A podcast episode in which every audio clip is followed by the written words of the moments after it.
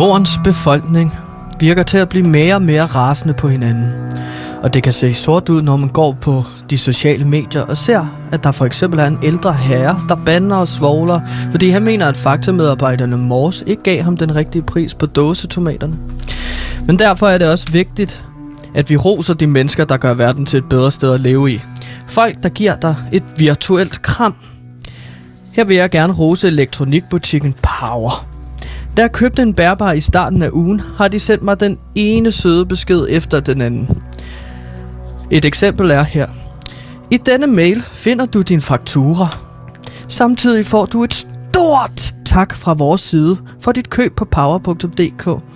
Og så har de også skrevet, hvis du har nogen som helst spørgsmål til din ordre, så må du endelig ikke tøve med at ringe til de flinke mennesker i vores kundeservice. De sidder der jo kun for din skyld. Jeg vil gerne give kærligheden igen, så jeg har skrevet nogle strofer, som jeg allerede har sendt dem som mail. For eksempel har jeg skrevet, Roser er røde, violer er blå. Jeg elsker jer. Kan jeg få rabat på en løbehjul i rå? grå? De har stadig ikke svaret tilbage på mail, men de har sikkert også travlt, alle de unge mennesker. Og travlt, det har vi også på PewDiePie. Velkommen til PewDiePie, 54 nyheder på 54 minutter.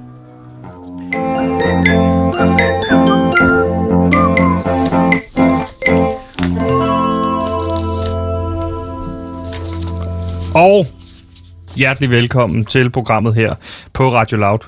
Mit navn det er Sebastian, og jeg er flowmaster på det her program. Det vil sige, at øh, det er min opgave, at du føler en enorm tryghed ved at høre det her program. Du skal føle dig velkommen, du skal føle dig hørt, og du skal ikke mindst også føle, at det her program flyder bedst muligt.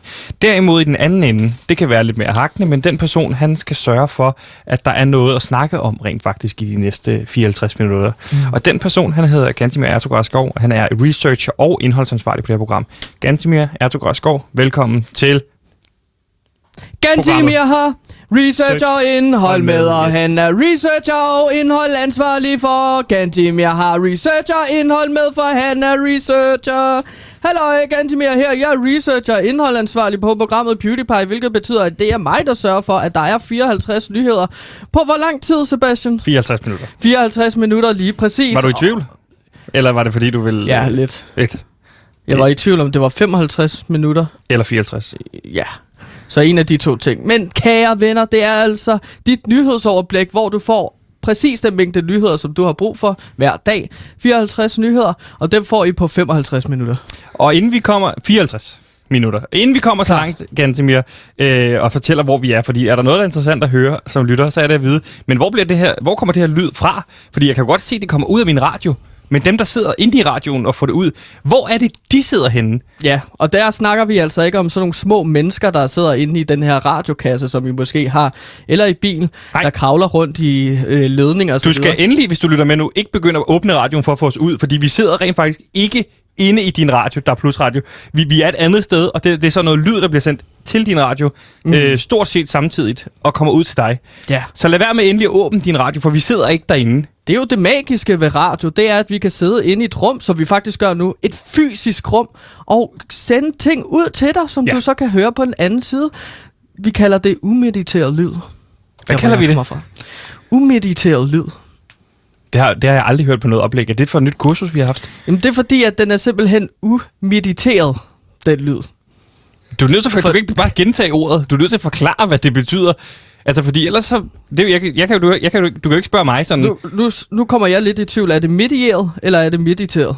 Jamen, ja, det er dig, der bringer det på banen. Jeg tror, Når man snakker om medieret lyd, så er det simpelthen, hvis jeg står foran dig, kære lytter, direkte op i dit ansigt og råber af dig, for eksempel hvis du skal til at tage dig sammen og ligesom skal rykke dig, fordi at du gerne vil forbi, Ja. øh, som det skete for mig i morges. Det vil så hedde medieret lyd, hvis jeg står og råber dig i hovedet. Umedieret lyd, det er altså bare, hvor det er lydbølger, uden at der er en fysisk krop lige foran dig. Nej. Og det er jo det, der sker lige nu for dig. Det er magi. Du hører umedieret lyd. Og så er det altså radio. ja. Det er Tak. en lille nyhed. Ja. Det er research. Det er første nyhed En lille øh, i dag. akademisk overvejelse over, hvad, hvad er det, der er op og ned? Egentlig imponerende, imponerende i forhold til, at du ikke har nogen gymnasiel uddannelse. At du ved, så nogle øh, kender til de her øh, ord som medieret. Men det er jo... Er det øh, et kursus, vi har haft herude? Ja, det er et kursus, som vi har haft. Og nu lytter, hvis øh, du så hører det, og så tænker, hvorfor er det Sebastian ikke så kender den her lyd? Nå, men han tager al- aldrig på kurser, som Nej, vi har tilbudt. vi har delt det op på vores øh, redaktion på den måde, at øh, enten tager Gantemir den, eller producer Simon, og for det meste sender vores producer Simon øh, Gantemir afsted. Og øh, mm. jeg har ligesom kaldt fri på den. Jeg vil helst ikke øh, til kurser. Men hvad hedder det kursus, siger du, om medieret lyd? Jamen, det hedder øh, lyd og radiobølger. Lyd og radiobilleder. og hvad skulle det kursus handle om? Skulle det forklare... Er det simpelthen... Øh, fordi jeg har jo set dig... øh, Du har jo sendt Lyd flere... og radiobilleder i det 21. århundrede. Yes. Så der var også noget podcast. Det var ikke kun radio. Nej. Det var også sådan noget... Men det er fordi, at øh, jeg har set flere spørgsmål inde på mailen, i fællesmailen, fra dig til ledelsen omkring, at du ikke har forstået sammenhængen mellem, at du siger noget, og det så bliver sendt ud i radioen rundt omkring i landet. Så det har simpelthen været et øh, kursus, der handlede om rent teknisk, hvad det, der sker med lydbølger. Ja, at det var der nogle af os, der havde brug for herude på Loud. Hvad er det, der sker? Fordi jeg forstod ikke, hvordan... Nu står... Fordi at jeg sidder bare og snakker ind i en mikrofon her nu, kan jeg lytter. Men Må på jeg- en eller anden måde, så hører du det. Må og jeg jeg forstår det ikke, fordi jeg jeg, kan ikke om se dig lytter. Gantemir, det er jo sådan, der er jo sindssygt mange, der er plusradioer, man, man, man har købt her på Loud, og det har ikke noget at gøre med, at vi har købt rigtig mange, der er plusradioer, for at det så virker som om, der er flere, øh, der er efterspørgsel efter det. Det handler om, at øh, vi havde i en periode øh, i starten, øh, da vi sendte, hver dag gik øh, vores, altså så kunne vi se, at øh, vores der er plusradioer var blevet splittet ad. Mm. Gantemir, handler det her om, at du i en lang periode har troet, der har siddet mennesker inde i der er plusradioerne? Små mennesker, som du har prøvet at redde? Og det er derfor, du har efterspurgt det her kursus. Og nu ved du så alt om lydbølger, medieret lyd, umedieret lyd. Ja, jeg, jeg må da indrømme, første gang jeg kom ind på kontorerne på Loud, at øh, der stod der en lille radio og spillede lyd. Og der gik jeg i panik. Fordi jeg troede, at der var nogen, der havde Fanget folk inde i en lille radio. havde skrumpet dem simpelthen. Du hører jo om alt muligt, hvad teknologien kan i dag, ikke? Så jeg troede, at der var sådan nogle små mennesker, der var fanget derinde, så jeg begyndte at skille al, alt muligt elektronik fra hinanden. Hvad var det for en radio, du hørte, hvor du troede, folk var samlet og øh, altså, blevet skrumpet og sat ind i en radio? Altså, hvad for et radioprogram? Ja, hvad hørte du? Jamen, ja, det var noget, øh, altså, det var på P3, og jeg tror, at det var Andrew Mojo, præsenterede sig selv. Øh, det var sådan en voxpop, hvor han var ude og snakke med en masse forskellige mennesker. Så du tror, Så- han gik rundt ind i radioen og interviewede en masse mennesker? Ja, så der var fanget en hel masse mennesker, der så skulle, øh, altså, ligesom øh, kunne svare på, hvad der har været en god sommerferieoplevelse for dem. Og der gik jeg jo i panik. Fordi Godt. at det bliver ikke en god sommer, hvis de er fanget derinde. Ganske det er godt, vi er halvanden år inde i, øh, i radioens øh, sendetid. Nu har fået det på plads, at der sidder altså ikke små mennesker inde i radioen og sender, Nej. og vi kan stoppe med at købe nye, der er plus radio konstant. Nu har vi snakket ja. rigtig meget om det her med, er vi inde i radioen, er vi ikke inde i radioen, hold kæft, er vi inde i radioen, eller er vi ikke inde i radioen, og ganske mere. Nu synes jeg lige så godt, vi kan snakke en lille smule om, hvor at, øh, det er rent faktisk er, vi befinder os. Og det er jo en lille sommerbreaker, du har fået lavet her til øh, den næste periode. En lille nymetal breaker. Ja, en lille nu metal breaker, som øh, mit Bangkok Gigant har skrevet. Det er jo no bullshit nu metal, der ikke går på kompromis med, med sandheden. Lige præcis. Det kan mange ting, den genre. Og øh, Gantemir, nu kan vi ikke trække meget længere. Det er jo sådan, at vi ikke længere sender øh, fra din lejlighed. Vi har, hvis man har lyttet med den sidste uges tid, øh, været på Tour de Chambre hjemme hos dig. Altså ja. det vil sige, at vi har rykket rundt øh, på diver- diverse værelser hjemme hos dig, hos øh, dem, du bor sammen med i kollektiv. Og det har vi, fordi vi har afventet at skulle ind på Pilestræde. Det her mm. sted, hvor Berlingske befinder sig. Berlingske har opkøbt os, og så kunne vi sidde på Pilestræde. Ja. Men, og det var jo i dag, stor flyttedag, vi skulle sidde på Pilestræde, men det gør vi jo ikke. Nej, det gør vi nemlig ikke. I stedet for sidder vi lige over for Marmorkirken inde i København. Hvorfor er det? Kan du måske forklare os? Fordi du er jo ligesom hovedpersonen i alt det her, har vi fundet ud af hen over weekenden. Mm. Hvorfor er det, vi ikke sidder på Pilestræde lige nu? Jamen, det gør vi simpelthen, fordi at... Øh, Hvorfor der er sidder sket, vi ikke på Pilestræde lige nu? Fordi at der er kæmpe vandskader Ja. inde på Pilestræde. Ja. Og de vandskader, de er kommet af, åbenbart har jeg ladet mig få fortalt, at øh, som sikkerhedsdirektør, og jeg er en del af ledelsen, som sikkerhedsdirektør har jeg været ude for at se, om sprinklerne virkede på Pilestræde. Ja. Jeg går ind, tænder dem, så går jeg nedenunder og siger, bare roligt, sprinklerne virker til dem, der er på kontoret. Og så, øh, så går jeg derfra. Ja. Og det, som jeg troede, fordi du har jo fortalt mig den her historie før, det, som jeg så troede selvfølgelig lå i historien, det var, at du også sikrede dig, at det blev slukket igen. Det har du ikke sikret dig. Så de her øh, sprinkler har bare stået og kørt løs, og det er simpelthen, den, den bygning er totalt smadret. Den er totalt smadret. Men øh, der har jeg jo så skrevet lidt med øh, ledelsen frem og tilbage, Mm. og øh, de mener så, at øh, jeg har et, lidt af et ansvar der. Men der har jeg snakket med min advokat, Ja. Louis Lehmann, ja. og han fortalte mig, at den besked, som jeg har fået, så står der intet om, at jeg skal slukke for vandet, efter jeg har tjekket Nej, det. prøv lige at læse den besked op, som du har øh, fået fra ledelsen. Ja, præcis. Øhm, hej Gantimir, sikkerhedsdirektør. Øh, kan du gå ud og tjekke, om der er vand i sprinklerne? Kan du gå ud og tjekke, om det virker? Okay, så Og det, det, der- er ord, det er ordret, det er sådan, det, der er sådan, den er skrevet, den besked. Ja, prøv at se her. Venlig hilsen, ledelsen. Ja, det er et fælles mail for ledelsen. Ledelsensnabelag eller øh, loud.dk. Ja, og der ja. står jo ikke rent teknisk. Det er jo det, du vinder på teknikalitet, fordi jeg har jo været med på rejsen. Vi har været i Baku sammen. Det kommer vi til hen over weekenden, når du har siddet med sms'en hele tiden med din skiftesvis din advokat, så er ledelsen øh, omkring, mm. om det er dig, der har hovedansvarlig for, at øh, hele piltræet går i stykker. Ja. Der står ikke rent teknisk, du også skal slukke den. Det er ikke mit ansvar at skulle slukke for sprinkleren igen. Nej. Så på den måde, så har jeg simpelthen øh, sluppet afsted øh, med det, eller hvad man siger. Ja. Men øh, altså, det er klart, at Men du øh, der ikke skulle det- rulle nogle hoveder. Ja, der er rullet nogle hoveder på Berlingske. Hvem er det, der er råd? Jamen, der er røget en picoline. En pigolin. Ja, øh, hende kastede jeg foran bussen, Mm. og så altså metaforisk. Ikke? Ja, du kan sådan ikke rigtigt, faktisk. Nej, nej, nej, det må man ikke. Nej, lad os lov- stå det fast med det samme. Man skal ikke kaste folk ud foran en bus. Nej, men det kan da godt være, at jeg troede hende med at kaste hende ud foran en bus. Okay. For at få hende til ligesom at tage ansvaret for det. Det er jo en populær metode i House of Cards, mm. hvis man har set det. Og i mediebranchen også fandt jeg ud af. Ja. Vildt. Ja. At øh, alle de der blackmailing og trusler fungerer som øh, bredt i øh, mediebranchen. Men jeg vil bare sige, at det er Louise øh, Picoline, Ja. at hun er simpelthen røget Ja. fyret.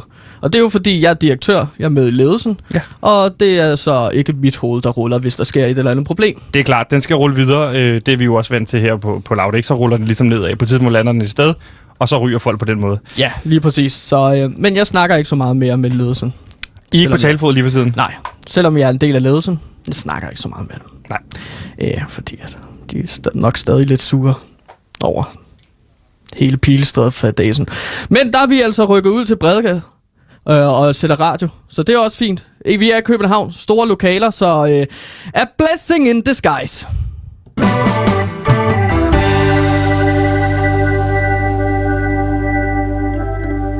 Der sidder jo nok en masse lytter derude, øh, og jeg vil lige kort adressere det, fordi at jeg har fået sindssygt mange sms'er, blandt andet fra min mor, som skriver, Hey Sebastian, øh, du sagde i fredags, at det her var dit sidste program, og du opsagde din stilling på Radio Loud, fordi du skulle over på P3. Og det er ja. rigtigt, I har nok hørt mig, hvis I sidder og lytter med nu, på P3 øh, i fredags.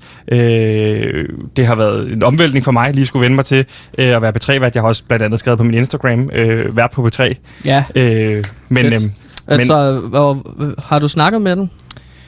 Øh, ja, det er jo lige det, fordi vi var jo inde i det her program Vimemesterskaberne i øh, fredags, og øh, det gik så godt, at jeg jo er den forventning, at vi, jeg selvfølgelig får mit eget program på P3. Det er sådan, øh, ganske mere, det har jeg prøvet at forklare dig mange gange. Hvis Ja. du får en idé på lav til en podcast, Mm. så går der fem minutter, så er den i luften. Ja. Det er du det bevis på. Ja, ja, jeg har lavet over, jeg tror nu 200 podcast. På lav? Øh, ja.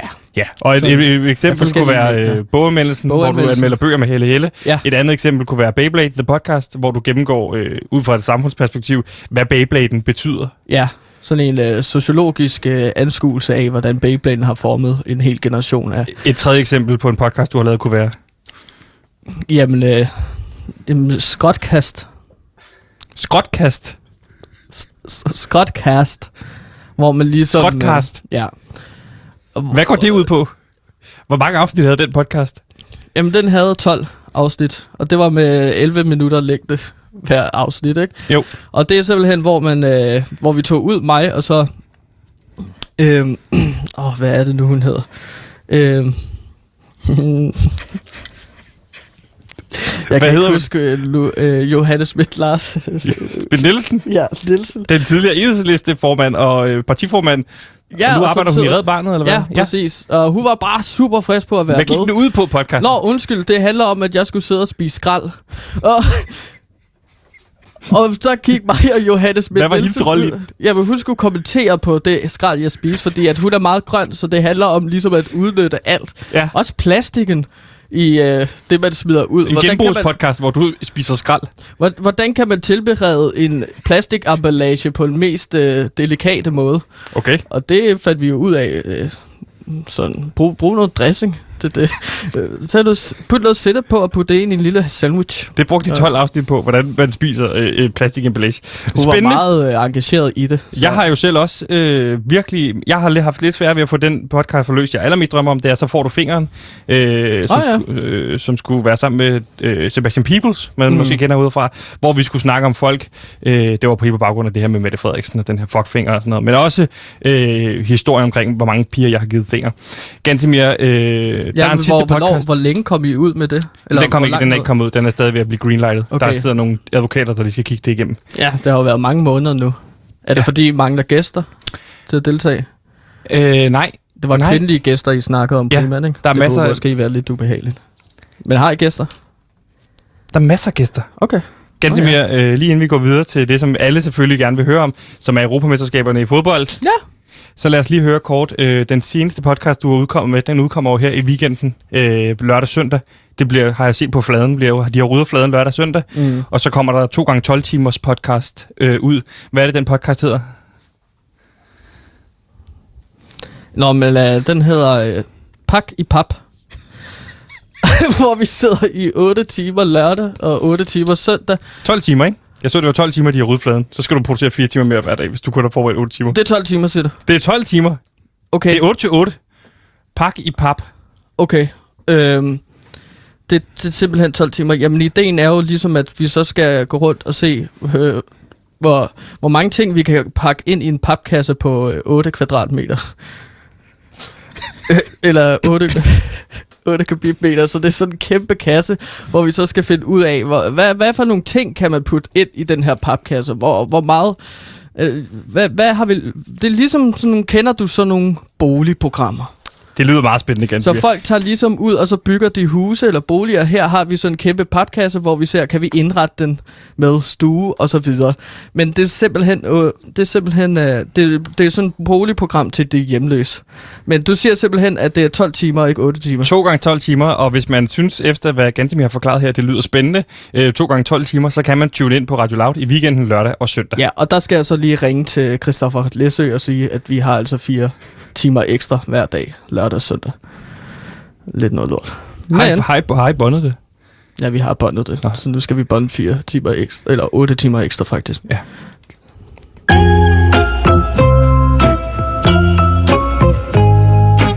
Giv din mor en lammer, for du skal nemlig have hendes interesse.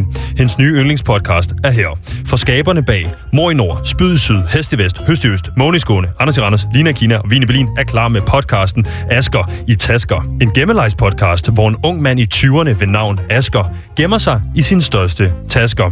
Podcasten bliver tilbageblik på gemmelejens historie, men også Askers inspirerende historie om drømmen om at gå 100% økologisk. Hør Asker i Tasker eksklusivt på Radio Loud.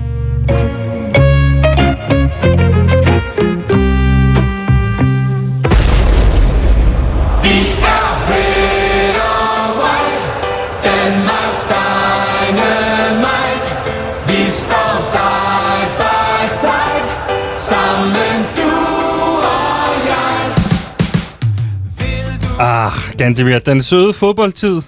Mm. Mm, den søde fodboldtid. Smager lidt af sukker, smager lidt af fadøl. Nogle har jo julen hellig, og andre de har sportssommeren hellig. Og Gantemir, jeg ved, du ikke er den store julegris, men til gengæld kan jeg tillade mig at kalde dig lidt af en sportsgris. For når det kommer til... øh, Sportsvin. Hvis øh, fodbold er trøfler, så er jeg jo grisen, der grænsker skovens bund, hvis skoven altså er øh, fodbold også. Ja, Øh, det er en lille metafor. metafor for, at du er vild med sport, og du er jo også hele Louds sportsekspert med øh, markante holdninger. En rigtig sportsgris. Og vi er jo nødt til, Gantemir, det er vi jo. Vi er nødt til at snakke om den kamp, vi så i lørdags, fordi vi to øh, var jo i Baku. Og kan du ikke beskrive kampen med et ord, hvis du skulle være sportsekspert? Hvis du skulle lave overskriften til BT dagen efter. Et ord. Ja. Tre, Eller- et ord. Et okay, ord, et ord. Hvor du beskriver hele kampens forløb. Bravo. tak for den. Yes, Det er jeg glad for. det er Ja, det. jeg vil have skrevet som overskrift tre mål, to af dem til Danmark. Gæt resten. Fordi ja, så vil folk lige så vide, okay, så er det 2-1 til Danmark. Det er jo en lidt sjov artikel.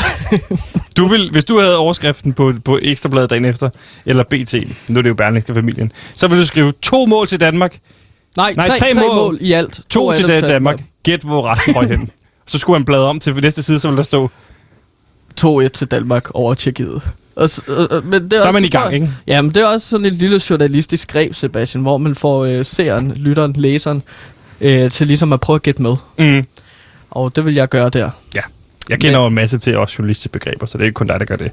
Men ganske mm. vi befandt os jo i Azerbaijan, i Baku, øh, fordi kort inden øh, kampstart kom det ud, at man ikke skulle gå i den her isolation efter kampen, hvilket betød, at øh, vi rent faktisk godt kunne tage afsted og komme hjem igen og sende i dag. Og der skaffede du billetter. Hvordan skaffede du billetter til den her kamp?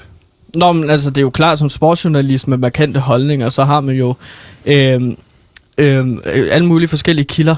Ja. Så der har jeg bare skrevet til øh, altså, øh, DBU, Ja. ja. og så skrevet, hey, mig og Sebastian, min øh, gode ven Ja. og kollega, vi vil altså gerne ned og se kampen og dække den for lavt. Og så sagde de, okay, hvem, øh, er det Sebastian øh, Søndergaard? Og så skrev jeg, uh, nu ved jeg godt, at der er en fælde her, fordi at vi har jo snakket om, hvordan du har opført dig over for mine journalistkollegaer, ikke? Jo. Gaffel i ryggen, Ja. øh, overfald, øh, og så videre. Så jeg skrev dig simpelthen på som Sebastian Sønder, Ja, okay. så der, der, der slap vi altså lige rundt om en fælde der. Men der har jeg simpelthen fået to billetter, en flytur og øh, pladser på Lige præcis. stadion i Baku. Fornemt. Og alt betalt. Det var jo en fantastisk tur dernede. Flyturen var en lille smule bøvlet i forhold til security, da du nægtede. Og øh, både for det første at gå igennem den der metaldetektor, det nægtede du. Ja, fordi så kan man få alt muligt ind i blodet.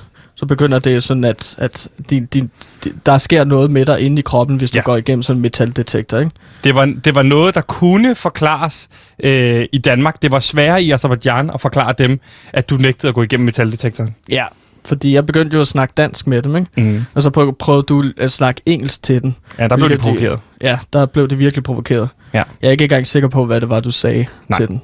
Men det lykkedes dig på en eller anden måde at komme igennem, øh, uden at komme igennem metaldetektoren. Og øh, så bliver vi jo kørt ud til den her plads, hvor vi så får en fadøl, og øh, der er vi på den her plads med de andre danskere. Og der hiver du lige fat i mig og siger, Sebastian, skal vi ikke gå på sightseeing? Altså nu er when, when in Baku, When in Baku, go see some things in uh, Baku. præcis. Ja. Og øh, der, der går vi jo afsted øh, i Baku for at se på nogle forskellige ting. Og øh, der er jo ligesom, der lægger du mærke til første gang, at der er en mand i sådan en gråligt øh, jakkesæt, der følger mm. efter. Altså Ja. han har stået på lidt afstand øh, med en avis med to huller i og kigget på os. Han Har du lagt mærke til? Ja, og han blev ved med at følge efter os over alt. Mm. Så jeg tænkte jo, at det var på grund af, at han ville holde øje med os. Ja. Men også, det uhyggelige var også, at han havde de her sorte Ray-Bans på, Mm. og Fedora-hat på os, øh, der matchede alt det andet. Så han gik rundt og røg smøger og holdt øje med os Mm. med to huller i avisen. Det Ja. synes jeg godt nok var ret uhyggeligt. Øh, det er jo der på- senere hen på aftenen, at jeg tænker jo lidt, at vi skal lige holde øje med ham her. Så vi, jeg, jeg prøver jo også at overbevise dig om, at vi skal fange ham. Mm. Mm. Og spørge ham, ikke? Du er ret sikker på, at det er sådan en form for privatdetektiv, der følger efter os og holder øje med en eller anden form for sikkerhedsvagt øh, Ja. af en art. Ikke? Mm. Så du går ned til, du kender åbenbart, jeg ved ikke, hvor du kender ham fra, men du kender en fyr dernede, som også er privatdetektiv, som du hyrer til at holde øje med privatdetektiven, ikke? Mm, jo, øh, der, der hyrer ham, jeg ham på stedet. Mm. Fordi han skulle også ned og se bak, øh, kampen i Baku. Så jeg hyrer ham her privatdetektiven, der hedder Søren. Og så hyrer jeg ham til at holde øje Mm. med den her grålige skikkelse, der følger efter os. Ikke? Jo, det svære er jo ved ham, øh, Søren, du hyrer, at han jo ikke har sit arbejdstøj på. Så han står øh, med malet i ansigtet, mm. øh, Dannebro, vikinghjelm, og så sådan et jakkesæt i, i rød og hvid, ikke? Jo, Så han er sådan rimelig genkendelig, når han går rundt i gaderne i Baku og holder øje med den privatdetektiv, der følger efter os. jo, helt sikkert. Men jeg må alligevel sige, at han er ret så professionel, fordi at han hævde avisen straks op, og så klippede to huller i sin avis, for så at følge efter ham med, i det grå, grålige jakkesæt. Grålige ja. jakkesæt, ikke? Så på den måde så fik øh, han ligesom holdt øje med øh, den privatdetektiv, går ud fra, så fulgte efter os, ikke? Jo, men Øh. ganske med, vi tog jo en rundtur i, i Baku, og vi var på det nationale øh, tæppemuseum. Ja, Ja. spændende, fordi jeg tænkte lige, okay, lad os se på nogle tæpper. Øh, øh, så der var jo alle mulige flotte tæpper. Der var store tæpper, der var øh, små tæpper. Øh, det var ret vildt, for, eller sådan, det, det udviklede sig til, at du gerne, rigtig gerne vil købe et af de her tæpper, og så tage det med hjem. Mm. Så du begynder jo at kaste penge, også fordi du havde da drukket rigeligt. Synes jeg, hvor mange fadøl havde du været op på det her tidspunkt, da vi kommer ind på hotellet? To. Nej, museum. To? Ja. Ja, men du havde så heller ikke spist, vel? Nej, ikke rigtigt. Nej, okay. Altså, øh, du går så ind, og så ka- kaster du... Hvor meget var det efter øh, øh, ekspedienten? Du, kan, du havde jo ikke penge med, så du kaster noget andet Ja. efter dem. Jeg kastede min gamle forlovelsesring øh, fra min ekskæreste til ham. Okay, for at komme afsted med et tæppe. Ja. Ja, den, den, den gik så ikke.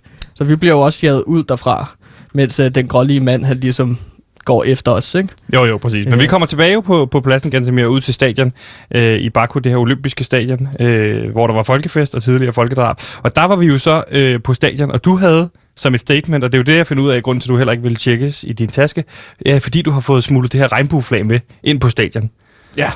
Fordi mm. at øh, du vil lave et statement, øh, fordi du er jo en sportsjournalist med markante holdninger. Ja. Og der er Azerbaijan jo kendt som et land, som ikke behandler LGBTQ plus med øh, øh, folk, medlemmer, særlig godt. Blandt andet er det jo politifolk, der jager homoseksuelle igennem byen for at fange dem, ikke? Jo. Og så videre. Så du kan ikke adskille politik og sport ad. Så jeg tænkte lige, at jeg vil lave et politisk statement som en journalist. Præcis, og der får du øje på en af dine gamle kammerater fra. Herlev, øh, Christoffer, Christoffer. øh, ja. og der siger du til ham, kan du ikke lige holde det her flag, mens jeg skal ned og tisser? ja, fordi jeg havde holdt det i lang tid på det her tidspunkt, synes jeg. Ja. Og, sådan- og, og det bliver jo en kæmpe sag, fordi mens Christoffer, det har folk sikkert set billeder af, mens Christoffer holder det, og vi er nede og tis, der bliver han jo taget af sikkerhedsvagterne.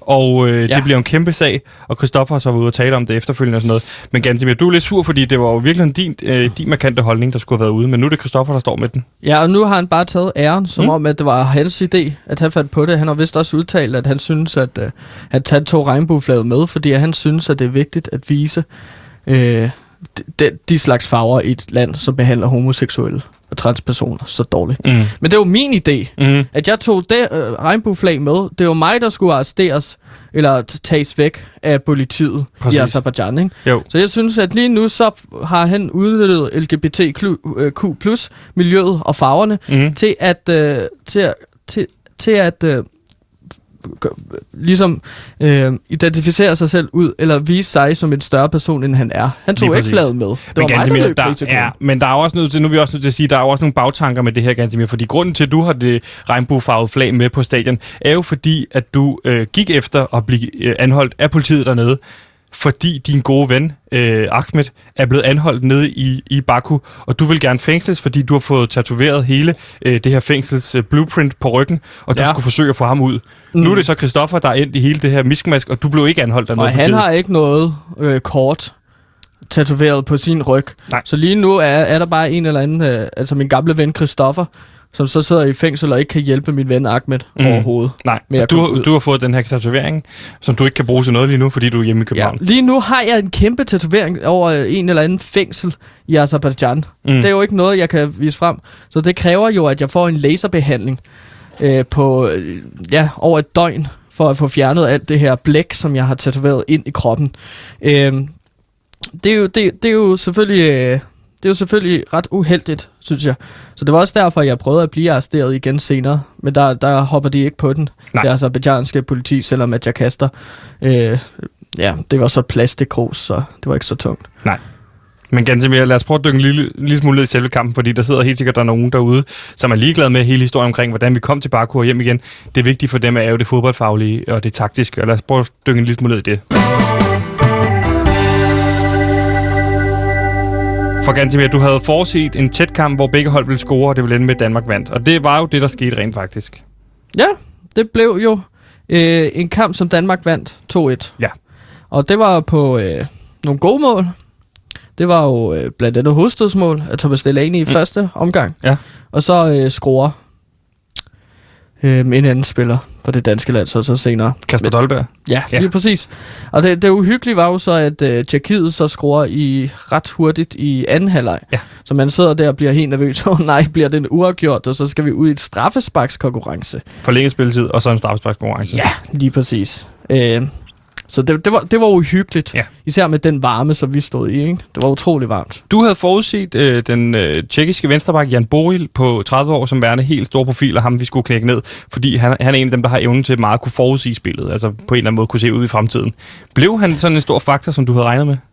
Ja, det gjorde han. Ja. At han, han, var jo, øh, han var jo stærk, rutineret og meget øh, fremadskuende.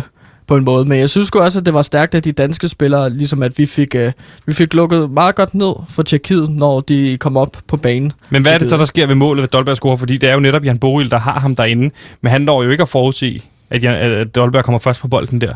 Hvad er det, der sker der?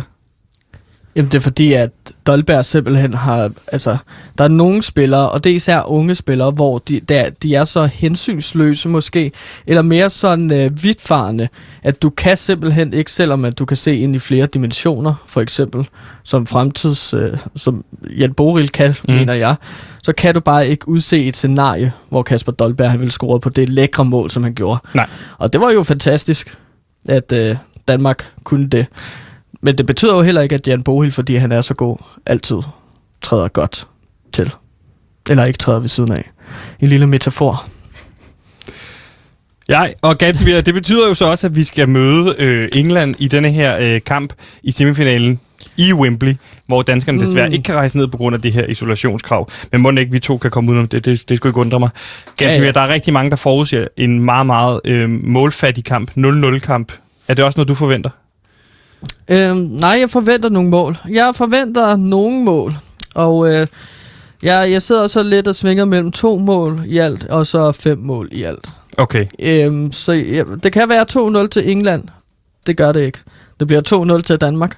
Eller også kunne det blive 5-0 til Danmark. Det kan også være, at det fordeler sig sådan, så vi får øh, 3-2 til Danmark. Okay. Men et sted mellem 2 og 3, 5 mål alt i alt, ikke? Kunne man forudse, at man måske øh, så den her kamp gå hen og blive uafgjort? Det er der mange, der taler om, og det kunne ende i en, ud i en eventuel strafsparkskonkurrence. Ja, og det vil englænderne elske jo. De fucking lorte englænder. De vil mm. elske, hvis de bare spillede så kedeligt bold, at øh, Danmark simpelthen begyndte at kede sig, mens de spillede. Og det er jo så der, at England så vil kunne gå videre i, i ekstra spilletid. Og så vil de vinde kampen, ikke? For England gælder det om at spille så kedeligt og fattigt, at Danmark kommer til at kede sig selv ihjel. Okay. Men kunne man forvente, at den her kamp gik i Ja, strafsparkskonkurrence? ja, ja, selvfølgelig. Okay. Altså, Så er der jo mange, der, der, der spekulerer i, hvem er det så for Danmark, der skal gøre det? Fordi det her med at sparke straffespark, det er jo ikke nemt, vel? Det, jeg ved, du har skrevet en bog omkring det her straffesparksfænomen. Øh, hvad er det, bogen hedder? Jamen, altså... Du har jo skrevet mange bøger, men en af de bøger, øh, i forhold til, du har mange, hvor få bøger, du har læst igennem dit liv, så har du skrevet et par stykker. Ja, men dem har, jeg heller, dem har jeg faktisk heller ikke læst, men jeg tænker, at jeg har læst dem, mens jeg har skrevet dem, så på den måde tæller det vel lidt Ja. som en læsbog, ikke? Men hvad er det, den hedder, den her bog om, øh, om straffesparkets fænomenet, straffesparkskonkurrencen? Jamen, det hedder Spark og Straf. Straffespark konkurrence. Den hedder med undertitlen Forbrydelse og straf 2. Okay. Spændende. Så spark og straf, straffesparkskonkurrencen, forbrydelse og straf 2. Ja. Øh, der har du skrevet om den her kunstart, det er at sparke straffespark. Og hvad er din hovedpointe i den her bog?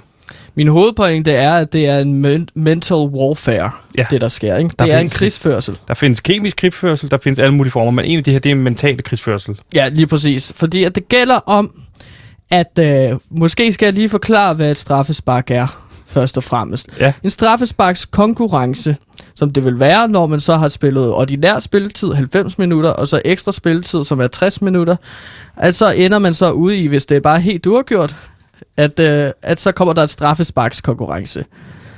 Ja. Så hvert hold, øh, der er en målmand, eller på skift, så skal de så skyde straffespark. Og straffespark, det er, hvor du placerer bolden øh, på et lille prik i Lige straffesparksfeltet, og så får du lov til at skyde, uden at nogen takler dig. Nej. Det er jo det, der er spændende. Det er en duel mellem målmand og ham, der skyder. Nu fik vi forklaret det. Kan du så fortælle mig, hvad hovedpointen i sådan en, øh, din bog her er, omkring den her kunstart straffesparkskonkurrencen? Nå, men det er, det er mental øh, warfare. Og det, det, jeg prøver at sige, det er, at det er sådan et stærkt pres, som ligger på alle spillers skuldre, når de skal skyde i straffespark. Det er det også for målmanden, så i sidste ende, så er det ikke nødvendigvis, hvem der er den bedste til at score mål, Nej. eller den bedste til at skyde. Det er, hvem der kan levere, når presset det er allerhøjst. Og der har du jo udvalgt fem øh, spillere i dagens anledning, som du peger på, øh, de danske spillere, øh, du er ret overbevist om, kan levere det mentale, kan, kan leve under det her mentale pres. Mm. Og hvem er den første sparker, som du vil sige, det er den, Danmark skal tage fat i? Thomas Delaney. Thomas Delaney. Han er øh, en mand, som ikke øh, virker, han virker lidt følelseskold, faktisk. Og det skal vi jo udnytte. en person, som ligesom ikke føler noget, når han går i- rundt på banen og spiller. Og det var ellers sådan en, jeg vil forudse, ville være Kasper Dolberg, som jo ikke rigtig jubler, når han scorer, vil være kold. Men du siger, det det er Delaney. Ja, og Kasper Dolberg er jo lidt i samme bane. Men altså, Thomas Delaney er fuldstændig iskold. Okay. Så han har det her dræbergen, hvor når han straks uden for banen, super sød fyr. Dejlig, øh, sympatisk. Jeg ved, du har været på ferie med ham. Ja, øh, på Gran Canaria, Mm. øh, der har vi øh, hygget os meget godt, hvor det er sådan, vi har vi drak drinks og, og, og var på stranden, og du ved sådan noget. Men når han så spiller kamp, og det gjorde vi jo bare på sådan en turist øh, fodboldbane, hvor turister boede på hotel, og så arbejdede sammen. Spillede I fodbold sammen, dig og Delaney? Ja, og jeg kan sige dig, Delaney han brækkede benet på tre forskellige turister. De var simpelthen ikke klar på, at han vil gå så fysisk hårdt til den. Delaney er første sparker. Hvem er sparker nummer to for Danmark? Kasper Dolberg. Kasper og Dolberg. han fungerer på samme måde. Som du siger, at så fejrer han ikke mål. Nej. Fordi at han føler ikke glæde. Nej. Det er ikke noget, der ligger i hans øh, empatiske sted. I hjernen. Nej. Øh, så det, det, han fungerer lidt på samme måde som Delaney. Hvis du er så følelseskold og ligeglad med det hele, jamen så bliver du heller ikke presset til at ligesom skulle levere. Og på den måde kan han sparke fint. Sparker nummer tre igen til mig. Det er Schmeichel. Smeichel? Ja, fordi, Målmanden? Ja, fordi at der er ikke nogen, der kender et mål så godt som en målmand. Nej, okay. Så han er måske bedre stand til at læse, hvad den, den modsatte målmand i det her, i det her, øh, hvad hedder, den her kamp, øh, Jordan Pickford, vil, vil kunne finde på. Ja, der ville han så tænke, hvis jeg var målmand, så vil jeg nok læse skuddet på den her måde. Og så gør jeg det modsatte. Ja, på den måde, så kan Kasper Schmeichel, vi kan komme ud i en situation, hvor Kasper Schmeichel vælger at, øh, at øh, vende sig om, mens han løber, og så skyde med hælet, fordi at, det ville han aldrig forvente, den anden målmand, ikke? Nej. Øh, ja, og så også fordi at Schmeichel er sådan en uhyggelig mand. Det gælder også om i straffesparkskonkurrence, at man lige kan løbe op til den anden målmand, og øh, lige, lige prøve at øh, intimidere ham. Så Ja. det kan være, at Schmeichel han skal op og så intimidere Pickford. Hvad, hvad kunne være sådan en måde at intimidere øh, Pickford på? Er der en måde, der virker? Ja, for eksempel. øh, du, du, han griner, han løber op og griner lidt. du hedder Pick. Og, og, og der vil Pickford så være sådan meget intimideret. Men det hedder jo ikke pick på engelsk, så han vil vel ikke forstå den øh, reference. Nej. Øh, pff. men så kunne det også være sådan noget, han løber op og så siger, øh, øh, jeg dræber alle, du kender. Okay, der, det, det vil selvfølgelig være intimiderende. Ja, for eksempel. Men der er det også mind games, fordi at der skal man ligesom også vide, øh, hvor, hvordan, hvordan skruer man på nogle knapper, ja. eller hvordan trykker du på nogle knapper. Du skal ligesom kende den anden godt nok. Fire sparker, du har udvalgt, ud over Spejkel og øh, Delene Dolberg. Jamen, der må jeg simpelthen sætte en øh, øh, Simon Kjær ind, ikke? Simon Kjær, anføreren. Ja. Og det er jo fordi, at han er anføreren. Han er så øh, rolig og stabil, og det har han altid været. Og jeg synes simpelthen, at han skal bare gå ind, og så skal han måske tage spillertrøjen af, og så vise sin store, muskuløse krop. Så han skal sparke nøgent. Ja, det tænker Helt nøgent. Ja, helt nøgen tage bukserne af, og så vise sin store pik og sine tatoveringer. Og der vil målmanden simpelthen tænke, hov, det har jeg da ikke set før, det her. Og så vil han kigge på hans store pik, i stedet for, og så vil han simpelthen ikke reagere, tror jeg. Han vil simpelthen ikke Han kaste frosset. målmand Pickford. Ja. Hvilket også er sjovt, at han kigger på hans pik, når han hedder Pickford. Øhm, så der, der er et lille råd til Simon Kjær, og jeg tror, at det er sådan, det kommer til at forløse sig. Og du tror, vi kommer til at få brug for alle fem sparkere. Øh, så hvem er den femte sparker, du vil, du vil udvælge? Jamen, der tænker jeg, at øh, den sidste skal være en spiller, som er kendt for som værende ærlig. Ja, Bare meget ærlig, en ærlig spiller. sympatisk, sød, lyver aldrig. Og øh, den her ærlige spiller, er der, er der en person, du har vel udvælge, som øh, du siger, den her spiller, han er særlig ærlig? Hvad? Pierre Emil Højbjerg, selvfølgelig. Hvorfor det? Han er... Men ham har jeg også været på ferie med. så det er jo en personlig historie, jeg kan fortælle. Pierre Emil cannot tell a lie. Okay. Han er jo genfødslen af George Washington og Abraham Lincoln. Han kan bare ikke lyve. Han må ikke lyve for sin mor. Men hvorfor- Han hedder Honest Pierre, når man er ude i byen med ham. Han kan aldrig lyve. Og hvorfor lige præcis Højbjerg? Hvorfor, altså, hvorfor er det vigtigt, at det er en spiller, der er ærlig? Fordi at så beder du ham om at løbe op til målmanden Pickford, den engelske målmand. og så siger Højbjerg, jeg skyder til højre. så løber han tilbage til straffesparks til bolden. Ja. og så tror Pickford jo på Honest Pierre. Og så kaster han sig til den side, som Pierre Emil Højbjerg sagde, til højre, Mm. men Pierre Emil skyder til venstre. Og så lyver han. og så, så får Danmark lige et mål der. Gantemir, det bliver spændende, og det bliver en kamp, vi kommer til at kunne følge, øh, følge meget med i. Det er jo på, øh, på onsdag kl. 21, vi kommer til at kunne se den her øh, kamp. Vi glæder os alle sammen rigtig meget. Vi kommer selvfølgelig til at dække den mere. Det var lige for at fokusere en lille Men- smule. Men det fede ved Pierre Emil, det er også, at han faktisk ikke lyver. Han sagde bare ikke hvis højre. Det var, Nå, så, så, så, så i virkeligheden var det målmandens højre. ja. Ja. ja du, du synes, den er sjov, fordi det er jo, det er jo trick, du har det, lært det er ham, jo ikke? trick, og det er også, altså, jeg vil aldrig bede Pierre Emil om at bryde sin uh, streak med aldrig at lyve. Nej. Men han lyver jo teknisk set ikke, fordi at hvis højre er det, Det er der, hvor han ligesom går ind og snyder ham. ja, Gantemir, det bliver øh, mega spændende at se netop den her straffesparkskonkurrence, som vi i dag fokuserer på, hvis den går i straffespark. De fem sparker, du havde udvalgt, var øh, Thomas Delaney, øh, fordi han har det her dræbergen på banen. Du. Ja. har set ham brække tre ben øh, i, på en ferie i Gran Canaria. øh, Kasper Dolberg, som besidder noget af det samme, den her manglende glæde øh, og følelse. mangel på empati. Schmeichel, øh, fordi han kunne være intimiderende. Han kunne komme ned og sige, at han kunne finde på at myrde alle øh, Pickford kender, og dermed vil Pickford blive skræmt. Ja, Så har du også valgt Simon Kjær, som øh, du forudsiger vil tage sparket helt nøgent, og det vil gøre, at Pickford øh, vil fryse, fordi han simpelthen ikke vil vide, hvad der sker. Og til sidst selvfølgelig Pierre Emil Højberg, der vil udnytte det her med, at han altid er ærlig, men bare ikke til hvilken side han vil sparke. Er man interesseret i at høre mere omkring det her, øh, den her straffesparkskonkurrence, så kan man læse alle dine pointer mere i bogen. Spark og straf, straffesparkskonkurrencen, forbrydelse og straf 2. Øh, den kan lånes på bibliotekerne rundt omkring i landet, er det ikke rigtigt? Jo, du kan låne den i alle biblioteker, du kan købe den på udvalgte tankstationer rundt omkring i landet. Øh, der er en Shell i Herlev, som øh, jeg har fået lov til at stille en båd op ved. Og hvad er det, den bog, bog koster?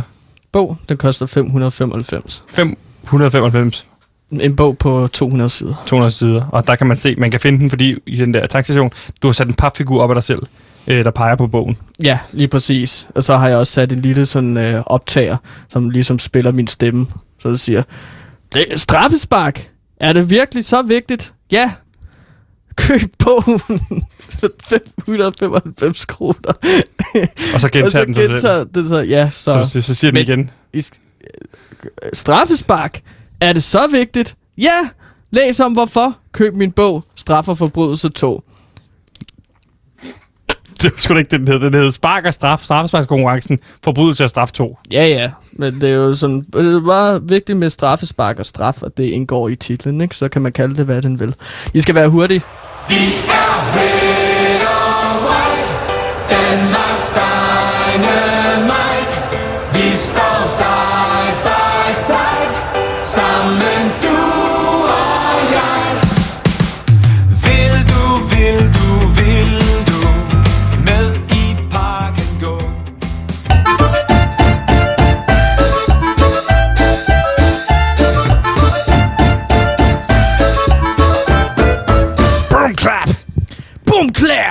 Lidt nu metaltrummer.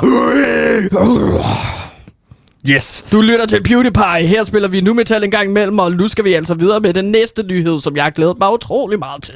Lige præcis. Vi er kommet til nyhed nummer 54 i dag. En isbjørn har fredag eftermiddag nemlig ganske mere været sluppet ud af sin indhegning i Zoologisk Have i København.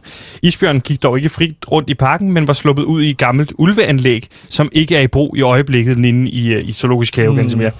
Anlægget stod derfor ulåst, og Zoo måtte evakuere en række gæster fra området på grund af den her isbjørn, der var sluppet løs. Ikke alle gæster, Nej. men en række gæster. En række gæster, også fordi de har problemer med antallet af gæster lige nu. Og Sue skulle lige til at bedøve isbjørnen, inden den selv vendte tilbage til sit bur. Den havde altså ligesom forstået en hentydning, da de stod med et gevær i, i, i grøden på den. Så den tænkte, okay, så der får jeg lige hjem af. Okay, bro. Okay, bro. Jeg skal nok gå tilbage, sagde isbjørnen-agtigt, ikke? Sådan. Den historie er uheldig, da den rammer lige, rammer lige oven i nyheden om, at Sue er begyndt at gøre brug af frivillig arbejdskraft, de økonomisk udfordrede i disse dage ganske mere. De har pt. en 30% nedgang i besøgende i forhold til tiden før corona. Folk mm. øh, vælger simpelthen zoologisk have fra i de her dage på grund af corona. Ganske mere, det er jo helt vildt uheldigt, at man i Sue måtte øh, decideret evakuere en del af den i forvejen skrumpende flok besøgende.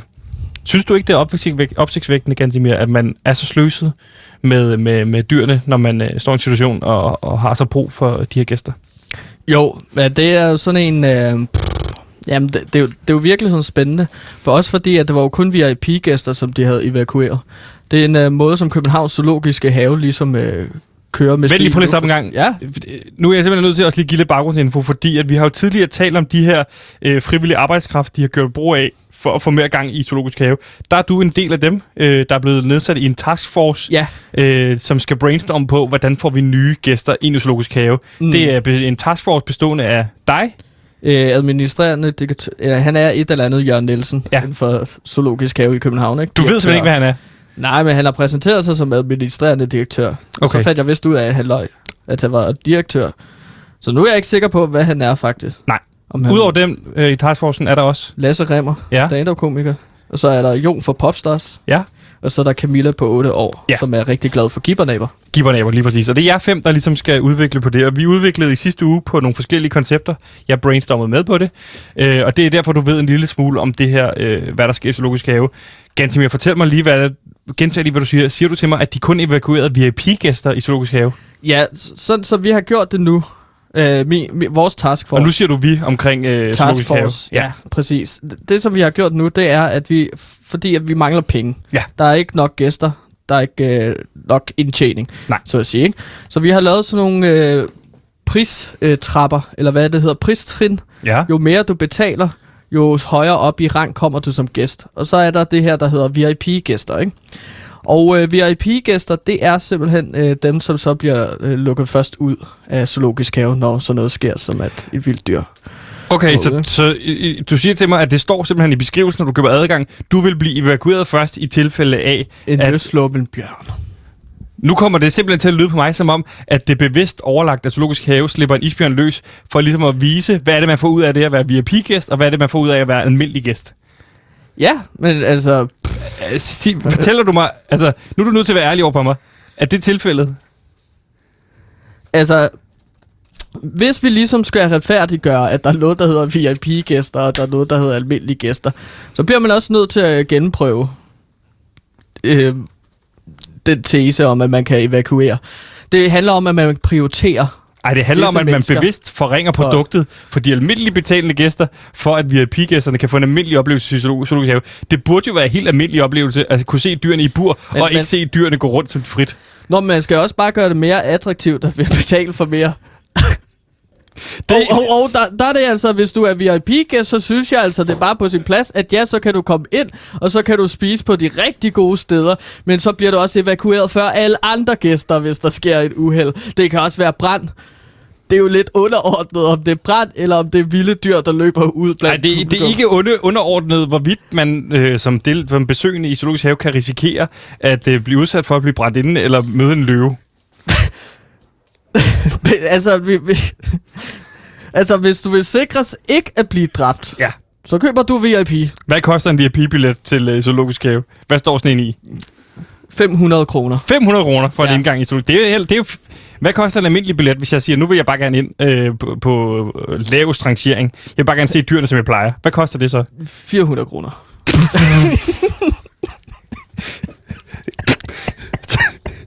Så I også nødt sat, I også sat priserne gevaldigt op. ja, men det er fordi, vi mangler penge jo. Og folk kommer jo i zoologisk have, så jeg synes heller ikke, det er for meget for langt, at hvis du betaler 100 kroner ekstra, at så skal vi også øh, sikre os, at du bliver evakueret først. Ja, det er da ærgerligt, hvis der er løve, der løber efter dig. Men vi skyder ikke den løve, hvis du ikke har betalt VIP. Altså normalt står en voksen jo billet i 195. Det vil sige, at de har sat prisen op med 100% lige nu. Ja. Efter du kom ind i Taskforce øh, for brainstorming af nye idéer til Zoologisk Have. Vi har lavet et system, vores taskforce, og det var Camilla på 8 år, der foreslog det her, okay? Ja. Vi har lavet et system, hvor vi har sat billetprisen ned, når man går ind, og så skal man betale for at komme ud igen. og så kommer det til at koste 400 kroner, hvis du... Altså, Bare lige for at forstå det rigtigt. Det koster hvor meget at komme ind så? For at komme ind, øh, t- øh, 100 kroner. Det koster 100 kroner, okay. Så Ja. Det for folk udefra set, så tænker de, hmm, øh, det er da blevet billigere. Men så kan man se, ved siden af, så koster det 500 kroner for en VIP-billet. Det kan være, at folk siger, og den gider jeg så ikke tage. Nej, Men så så koster det ja. yderligere 300 kroner, hvis man skal ud igen, når I så slipper den løve løs. Ja, og der har vi så vagter til at stå rundt omkring. Så, der, så folk kan ikke komme ud af zoologisk have. Det mindre de går op og siger, hey, jeg har VIP-billet. Fint, så går du bare ud. Så Alle andre, I bliver. Og det koster 300 kroner, øh, hvis I skal ud igen. Ja, fordi, ja, og på den måde så sørger vi jo også for, at folk øh, eventuelt, hvis de ikke kan betale de 300 kroner, så er de fanget, og så skal de spise aftensmad på Zoologisk Have, hvor vi også har sat prisen op for en menu, ikke? Jo, så det, det er jo sådan, okay, men du er sulten. Altså, du bliver nødt til at betale for en, øh, ja, en, en det er jo pizza lidt, slice. Gantemir, det er jo, jeg vidste jo godt, at I skulle mødes i den her taskforce her øh, i sidste uge, i forhold til en snak om, hvad, hvad I skulle gøre, fordi vi havde jo nogle andre idéer på, øh, på tapetet. Hvordan blev de idéer, vi snakkede om tidligere, taget imod? Fordi det er jo en lidt anden model, det I har gjort med.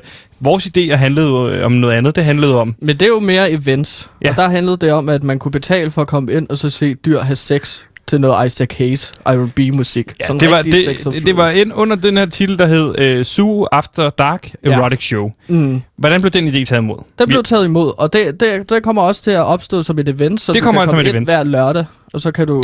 Lørdag nat kan du komme ind og se dyrene have sex. Ja, lige præcis. Det her, det er jo sådan hver dag, vi kører på den her måde, med billetpriser og ligesom øh, pristrappe, Ja. ja. eller hvad man siger, ikke? Jo. Så, Så, så var der den anden idé, vi kørte med, som skulle være det her gladiatorkamp igennem mellem de forskellige dyr, som kunne tv-transmitteres. Er det noget, der også arbejdes på, eller er det ja, ja det, det er en efterårs øh, event. Okay. Så den kommer i efteråret, så kan man tage ind og så se den her turnering, hvor dyr de slås mod hinanden, og så kan vi finde ud af, hvem det stærkeste dyr er.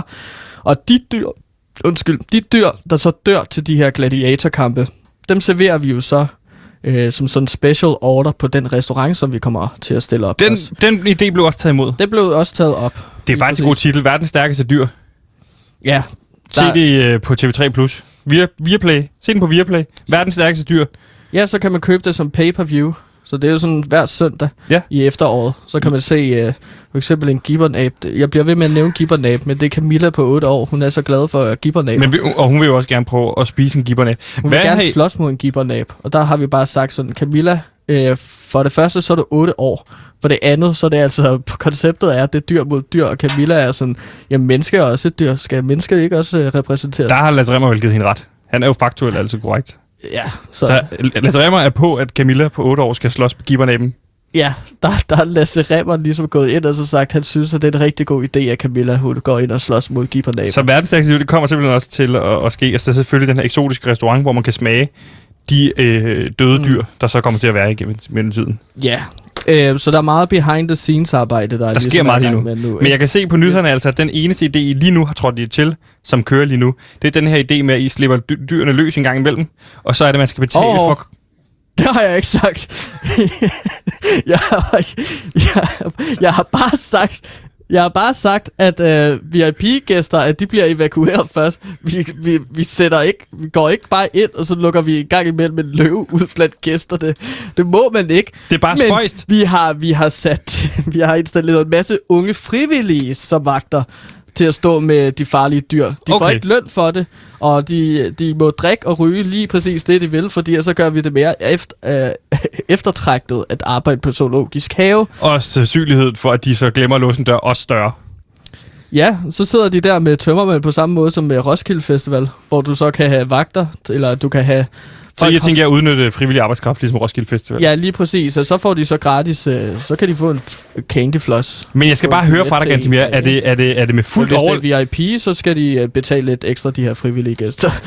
Men jeg skal bare høre, er det så med fuldt overlæg, at I sætter udulige folk til at passe dyrene, fordi så er risikoen for, at de slipper løs større, og dermed øh, større chance for, at øh, man køber ja. Ja. VIP-billetter. Okay, prøv at høre. Vi, vi er blevet sat på en taskforce for at finde ud af, hvordan vi løser, at øh, zoologisk have, de mangler penge Mm. og arbejdskraft. Den måde, som vi er kommet frem til, det er bare at sørge for at putte en masse frivillige ind på forskellige poster. Mm. Sige ja, det kan da godt ske, at der står en eller anden ung øh, kvinde med tømmermænd og ryger en smøg, og så glemmer at lukke isbjørnburet, så, så isbjørn kommer ud. Men der er ingen, der har givet hende ordren om, at hun skal sætte et isbjørn ud. Men hvis det sker, så tilbyder vi lige nu 500, for 500 kroner en VIP-pakke, hvor vi altså evakuerer dig først, hvis der skulle ske et uheld. Så jeg kunne forestille mig, når man går ind ved billetkøbene, at der er utrolig meget med småt, man skal læse. Fordi jeg kan se, I reklamerer rundt omkring i hele byen. Øh, nedsat pris, halv pris i zoologisk have. Du koster kun 100 kroner. Men I skriver så bare ikke, at det også koster penge at komme ud, in case, at øh, nogle dyr skulle slippes løs. Ja, det står med småt. Ja. Og det er jo ikke vores ansvar, at, øh, sørge for, at, at du får alt, alt med Nej. På almindelig skrift, vel? Det vil Men- også se så pisse dumt ud, hvis du har et ba- banner til at hænge i København, hvor der står så... Øh, lige nu koster det 100 kroner for at komme ind på øh, Københavns Zoologiske Have, men det koster altså øh, 400 kroner i alt, hvis du skal komme ud, og så skal du også øh, for resten tænke over, at på VIP, så koster det 500 kroner, bla bla bla bla bla bla. Det bliver så kedeligt at læse på alt for meget information. Vi skriver hele det gamle testamente med småt, og, og midt i det hele står det praktiske. Så på den måde, så øh, vil jeg da gerne indrømme, at vi gør det meget uoverskueligt for folk at finde ud af, hvad det er, Så man folk, går får, ind i. så folk får en relativt stor bog, de skal skrive under på, inden de går ind i zoologisk have. Ja, Men der er ikke nogen, der læser det der. Det er jo ligesom, når man trykker... det er ikke mit ansvar. Det er folk, der skal... Det er ligesom, når folk går ind på forskellige sider, og så bare trykker sådan OK til det her copyright-ting. Men du siger til mig, både direktøren Jørgen Nielsen, øh, Lasse Ja, Remmer, han er. Jon fra Popstars og Camilla er med på de her idéer. Ja, de er ja, alle sammen på de er alle sammen på. Hvem kom med den her idé? Fordi det er tydeligvis ikke dig, fordi den her idé, den, kom, øh, den havde vi jo ikke brainstormet på, så der er en af de andre, der kom med den her idé, du har fået. Det er Lasse Remmer. Det er Lasse Remmer, der har fået den idé. Lasse Remmer har sådan sindssygt øje for det økonomiske. Okay. Han, bliver, øh, han foreslår også, at der skal være en ekstra pakke, som ikke bare er VIP-pakke, men altså simpelthen sådan øh, øh, ekstra stor VIP-pakke, tror jeg, han kaldte det, hvor du simpelthen kan komme øh, ind, og så rent faktisk også fodre dyrene øh, med lige præcis det, du gerne vil. Og så lukker man dem ligesom ind i et bur, og så Siger du til bedøver mig- man løven, og så går du bare ind i buret, og så kan du få lov til at klappe det, mens den er bedøvet. så håber vi bare, at det, fordi at det havde min lille seance med i sidste uge, at det var ikke en bedøvelsespil, det var bare en pil tom for bedøvelse, så der skete ting og sager i buret. Men siger, Som du også jeg, til mig, at jeg man, har skrevet under på, at jeg ikke må tale om. Så. men siger du også til mig, at man gerne må komme ind i zoologisk og fodre dyrene med præcis, hvad man har liggende?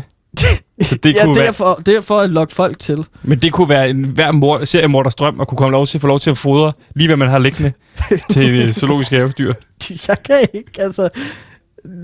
Nu, nu begynder du at, at, at tænke ganske for meget over det. Ja, ja. Jeg, jeg kan da ikke jeg kan da ikke stå til ansvar for, at der er en seriemorder, der har hugget sin kæreste i småstykker, og så går ind og så serverer løven med det. Altså, det kan jeg ikke stå for ansvar for. Vi Nej. har brug for at få folk ind, så hvis der er en sød lille seriemorder, der gerne vil betale en VIP ekstra pakke for 1000 kroner, så får slippe af med sin afhug. Det er ganske mere. Hold din kæft. Det var alt, hvad vi nåede for dagens øh, udsendelse. Nu er det blevet tid til nyhederne. Tak, fordi I lyttede med.